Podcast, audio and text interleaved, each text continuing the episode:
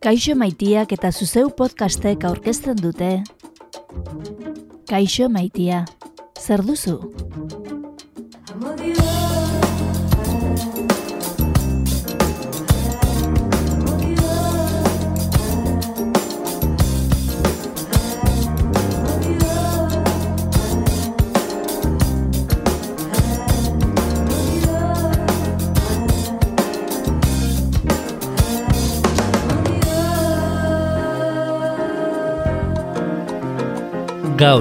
Kaixo maitia, zer duzu? Podcastean leialtasuna harremanetan atala aztertzen jarraituko dugu aurreko saioan hasitako bidetik. Sexu inkestako laugarren eta azken atala. Kaixo maitiak 2008an egindako Euskaldunon harreman afektibu eta sexualei buruzko ikerketa da aztergai duguna.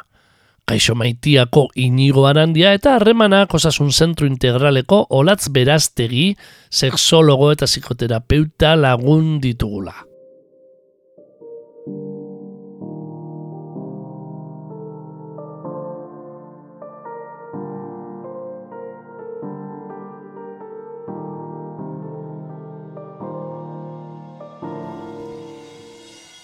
Nik badakit ez duzula maite. Ez esan inori. Irurok laguntzen badiguzu gordeko dugu sekretua. Beste inork ez dezala ikus zuk eta biok ikusi duguna. Lagun izan dituzuen jende eta gauzetatik eskutatuko da. Ez da itzuliko zu itxaroteko egina den kafetegira. Udazken neguak etorriko dira, ostrak eta ardo zuria zerbitzatzen zizkizueten marmolesko maietatik urrun egongo da. Euri egunetan ez du begiratuko zeuen burua ikusi zenuten asfaltora, taksirik ezin aurkitu ta oinez joan behar izaten zenutenetan. Zutaz hitz egin dioten liburuak ez ditu gehiago irekiko. Ez du jakingo zer dioten zutazari ez direnean. Eta batez ere, zaude ziur. Ez zuk ez nik ez dugu inoiz jakingo non dagoen. Gordeko da urrun handiko lurraldetan. Ibiliko da baso lausotan zehar. Ez du harrituko gure memoriaren argia zagaiak. Eta urrun izatean, hilia dagoela sinesteko beste, oroit dezakegu eta esan etzenuela maite ez gaitu bat ere larrituko faltesten zaituela ikusteak. Mamu bat izango da nahi gaberik, bizitzarik gabea. Erakusleio bat apaintzen duen eta unkitzen ez gaituen gelkase baten argazki makurra bezalaxe. Oraingoz ez dezagun esan. Ez dezagun jendea asalda odolez eta zornez betetako zauria erakutsita eman dizaiogun denbora eta anztura. Isil gaitezen, inork, neronek ere, nirekin nahas ezin dezan arte.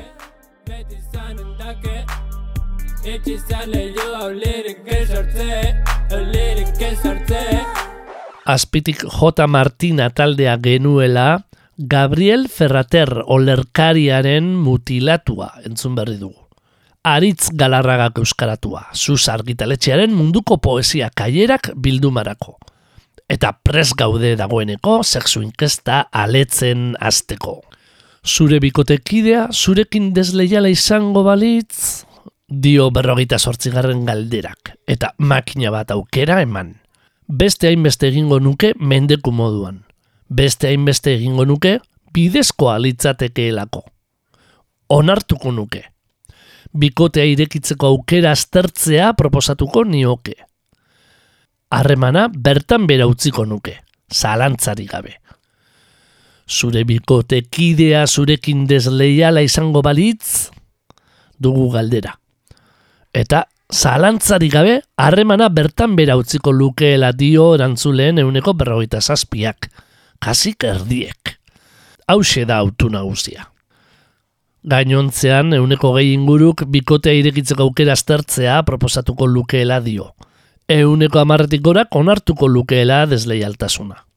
Oso gutxi dira, bestalde, beste horren beste egingo luketela diotenak. izan mendeku gozez edo zilegia litzatekeelako. Bai, bueno, bai, nik uste dut, Zan nahi dut oso errotuta dago ba, gizarte motari eta nolako bat, ez? Lehen esan dugu zer da leialtasuna, zein da erramaten eta orduan, lehenengo ba, utziko nuke, ez? Ba, gian gertatzen da, ez? Baina nik uste dut, gertzta gehiago, baita ere, harremanaren arabera izaten dela. Depende harremana, nik ikusi dut konsultan, ba, bueno, aukera bat izan daiteke, horri buelta bat emateko, ez? Eta usnartzeko. Baina, bada, lehenengo joeran ikusi dut erantzun batean ez, utziko egingo nuke. Ez, oso, ez, nola leialt, ez, e, leialtasuna bada, ba, lehen hori nigo bezan bezala, da balore bat Euskaldunen artean, ba, zintzoa izatea bezala eta hitzarena. Hau ezin du, ezin, da, ezin du puskatu Euskaldun batek, ez, orduan, norberak nola ematen duen hori zekargarekin, baina gero be, egia da, espazio bat ematen badio, zuri narketari, ba, bikotearen arabera eta bikote harreman horre, e, horretan, ez, esendotasunaren arabera, pues aurrera egingo dute edo, ez. Eh, galdera, bueno, galderakin jakin egin duna zan, ze konsekuentziak izan bai. ez? Osea, bikotean, zure ustez, ze konsekuentziak izan behar ditu horrelako e, desleialtasun batek, ez? Hori da zen bat. Eta hemen, niri bintzat, e, askotan esan izan dut gainaz, e, erantzuten ez diren hoiek ere oso importanteak dira, eta kasuntan ia uneko gehiak ez daki erantzuten, o ez du erantzun nahi. Mm. Bai? Ziurrenik izango da gehiago ez dakila e, zer erantzun. Ah, egia da. Momentu batean, jartzen zea hipotesi batean, e, agian edo ziurrenik galdetutakoen gehiengoak ez duna planteatu ere egiten, eta errepente galdetzen diozu, ez?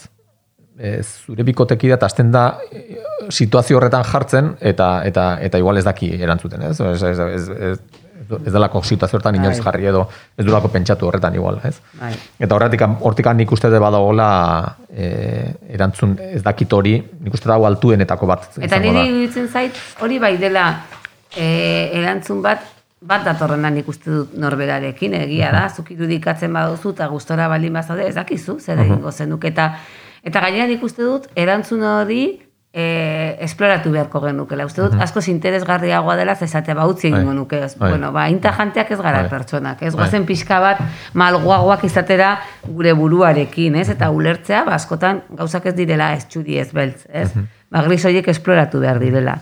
Ez, e, kasu honetan ez dakit hori interesgarri dutzen zait. Zure bikotekidea zurekin desleiala izango balitz, zioen galderak eta jakina, desleialtasun hori noiz eta nola gauzatu den, aferak aldagai ugari izan ditzake, gero har daitezkeen erantzunak beste.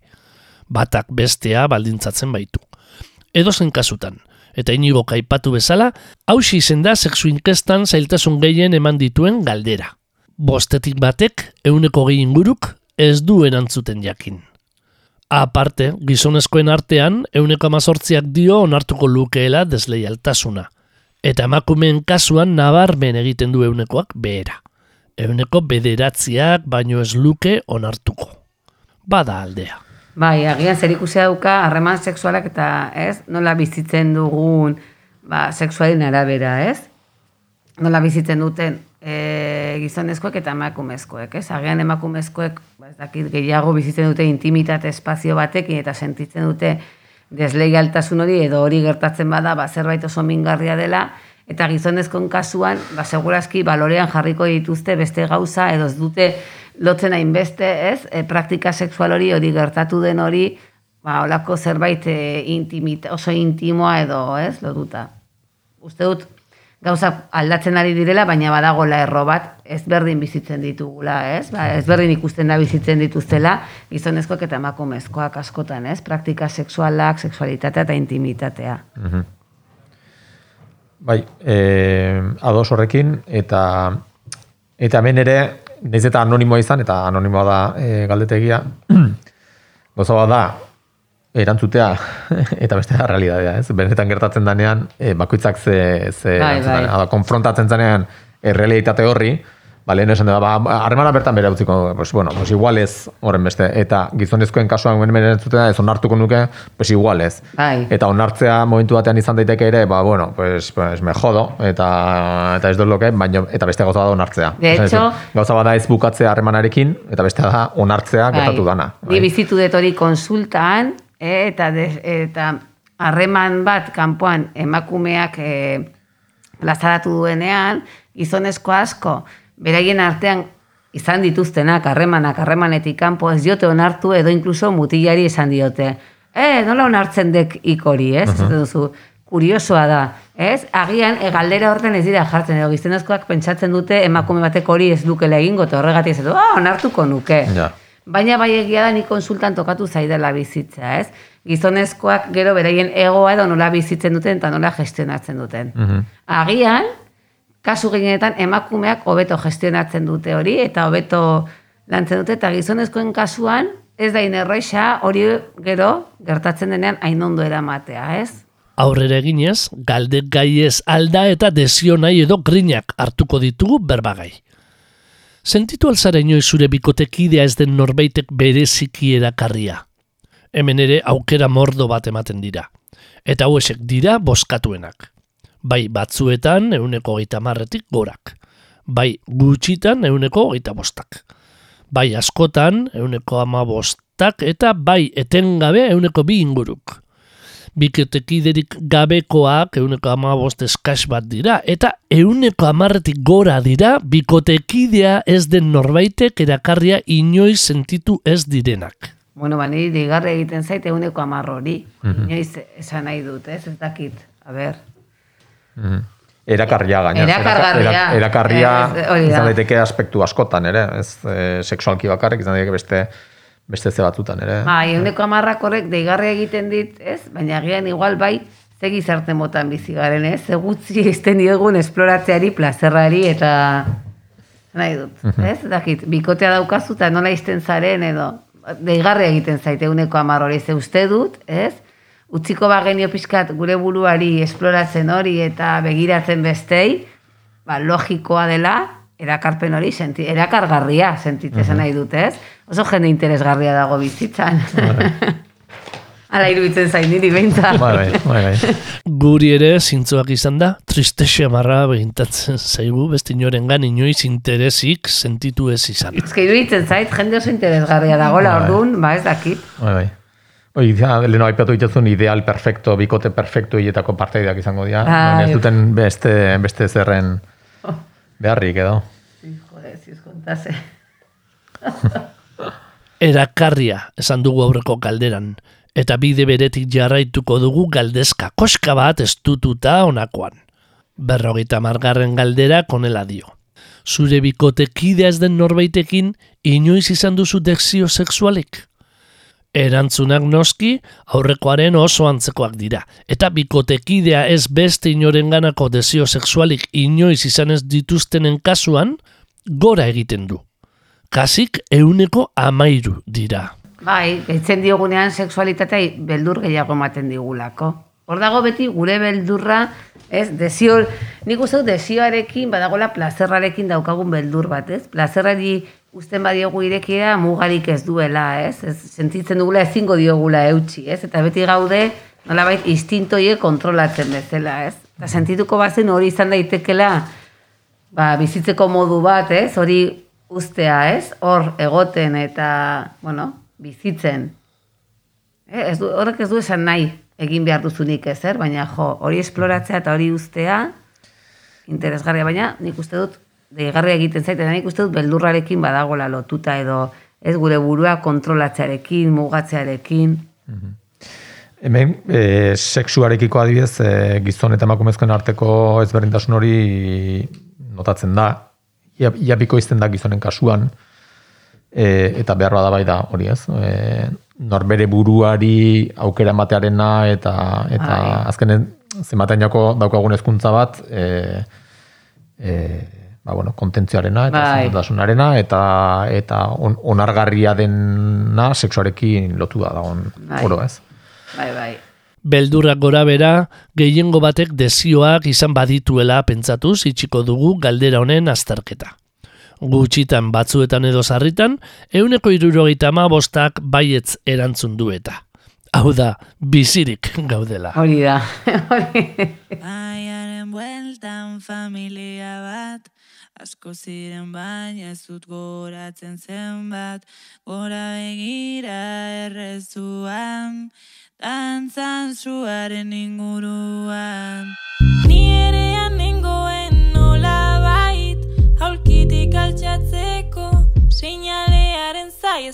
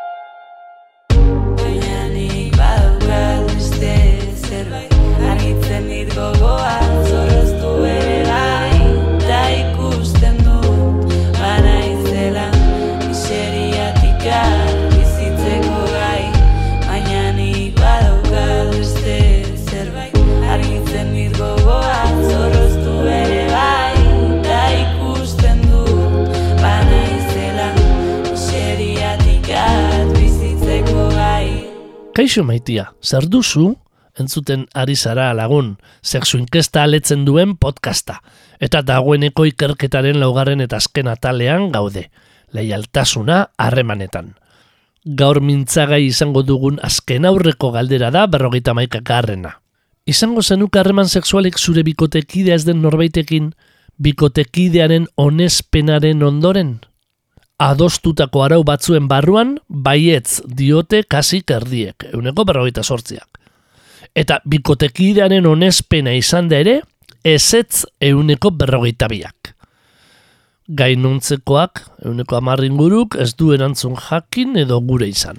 Bueno, e, diri interesgarri iruditzen zaitez, ez dugu behar bestearen onespena, ez? Ez gara esan nahi dut, ez? Badirudi bestearen onespenak baimena ematen digula. ez? Nik uste dut badela zerbait oso pertsonala, ez? Nola zergatik edukiko zenituzke, edukiko bazen dituzke edo ez, eta ardurak asumitzea nahi baditut, ez dakit onespena, agian da bestearekin ba, gestionatzea eta adostea, ez? Onespen horretan ematen du, ez dakit, ez? Nirik ematen dit, one, bestearen onespena badirudi besteak ematen didala bidea, ez? Bueno, zu jakinko duzu zerremana daukasun, zer nahi duzu egitea. Eta gero nik uste dut egia dela, on, Osa, morala oso norberarena da. Osa, nahi askotan esaten dugunean, eske bestearen begirada, bestearen begirada proiektzio bada zure begiradarena. Nik uste dut importante dela, zuk nola zeren kapaza hori eramateko. Eta hori ikusten da.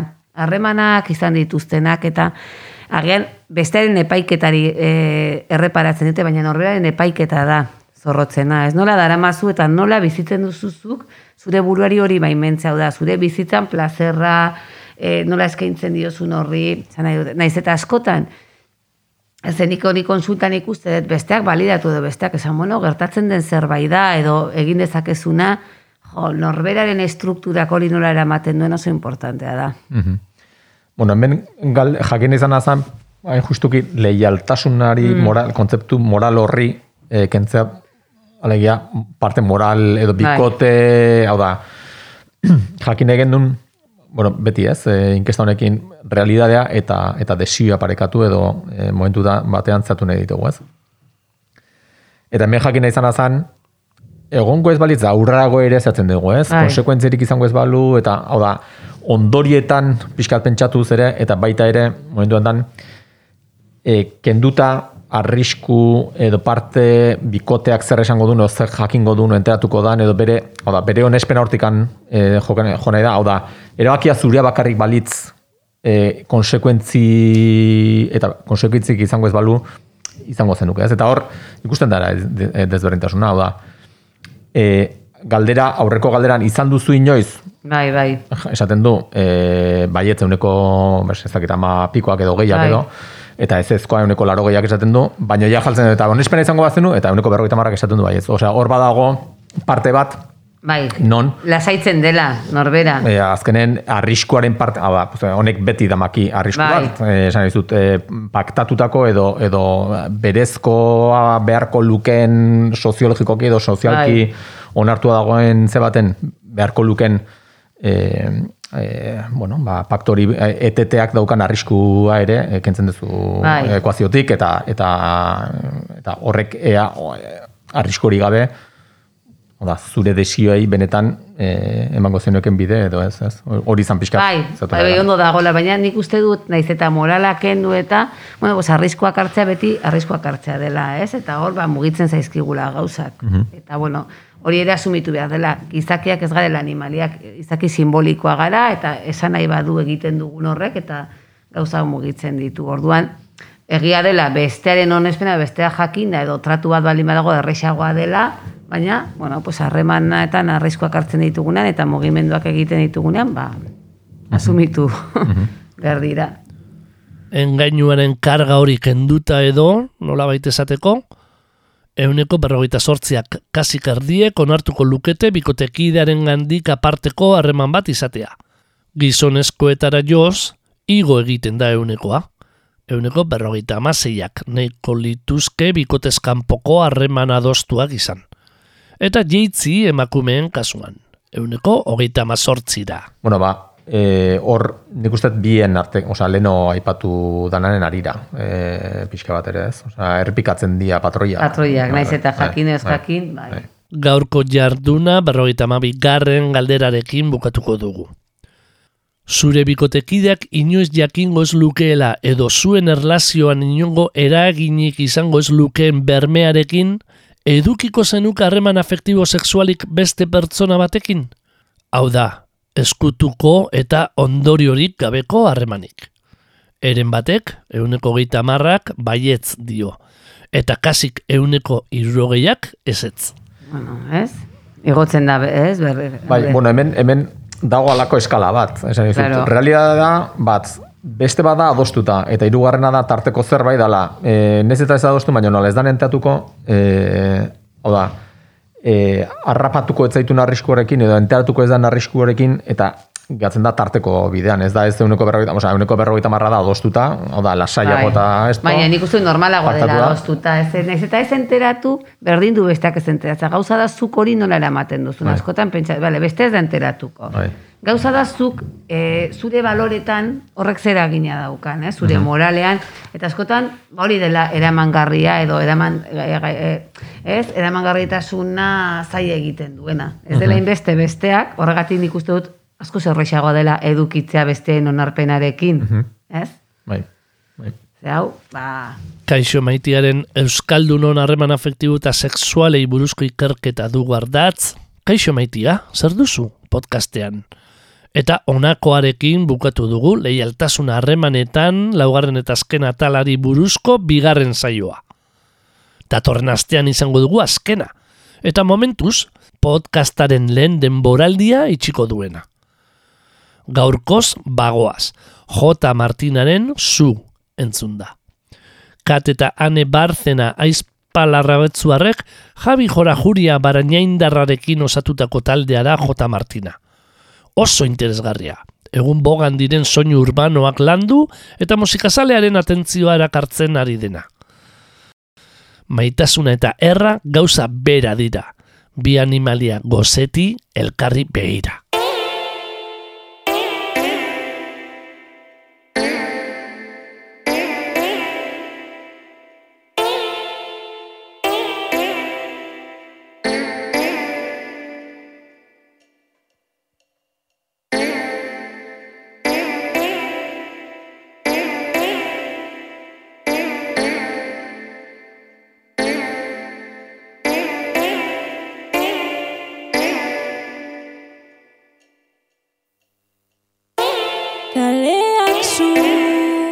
Hartu du?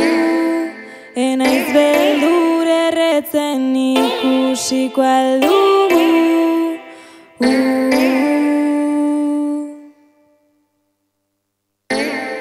Ez zaitut ezagutzen oraindik zertara etorri zaren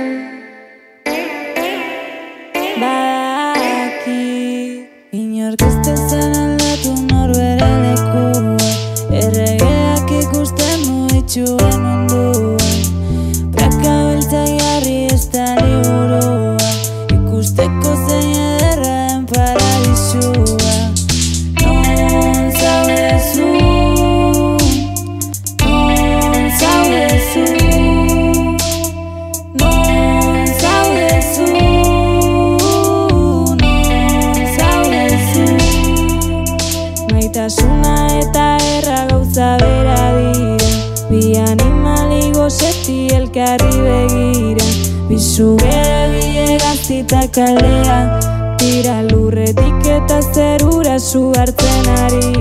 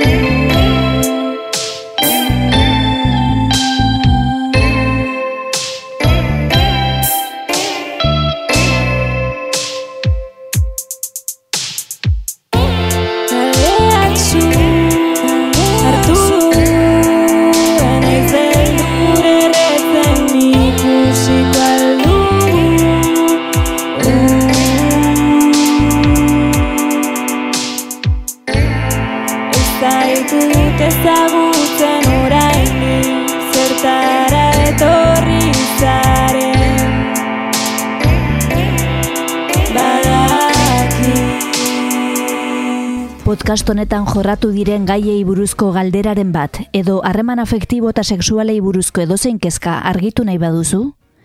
Harremanak osasun zentro integralera jo dezakezu.